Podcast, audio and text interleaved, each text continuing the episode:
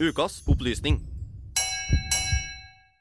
Som en liten dyreglad jente fikk jeg høre at pandaen var utrydningstruet. Jeg ble trist, frustrert. Om x antall år kom pandaen til å være borte fra vår jordklode. Det er derfor at jeg i dag kan fortelle deg med glede at pandaen ikke lenger er utrydningstruet.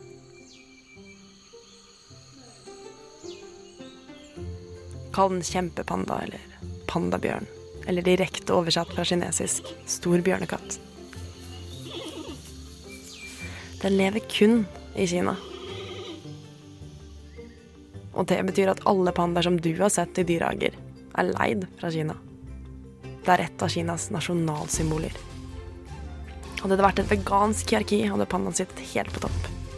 99% av det den spiser, er kun bambus. Og den bruker opptil 16 timer hver dag på å spise. Det er ikke så mye næring i bambus, og den må spise opptil 32 kilo bambus hver dag for å holde seg gående.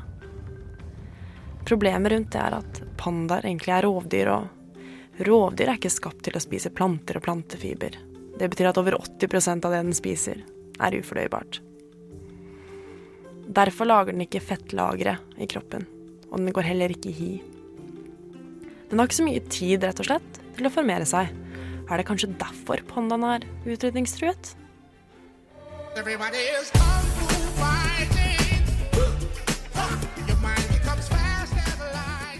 I 1960 ble Kina klar over hvor store problemer det fantes rundt pandaer. Det ble strenge regler på jakt av pandaer og god opprettholding av bambusskogen. I 1990 ble pandaen erklært som utrydningstruet. Og i 2016 kan jeg med glede fortelle deg at pandabestanden har økt med 17% Den er ikke lenger utrydningstruet. Men det betyr heller ikke at den står sterkt. Det er fortsatt en sårbar dyreart som trenger god oppfølging. Men forskere spår at i løpet av 80 år kommer 35% av bambusskogen til å være ødelagt pga. klimaendringer. Hva skal vi gjøre? Ta vare på pandaen. Lev med pandaen. Pandaen er veldig fin.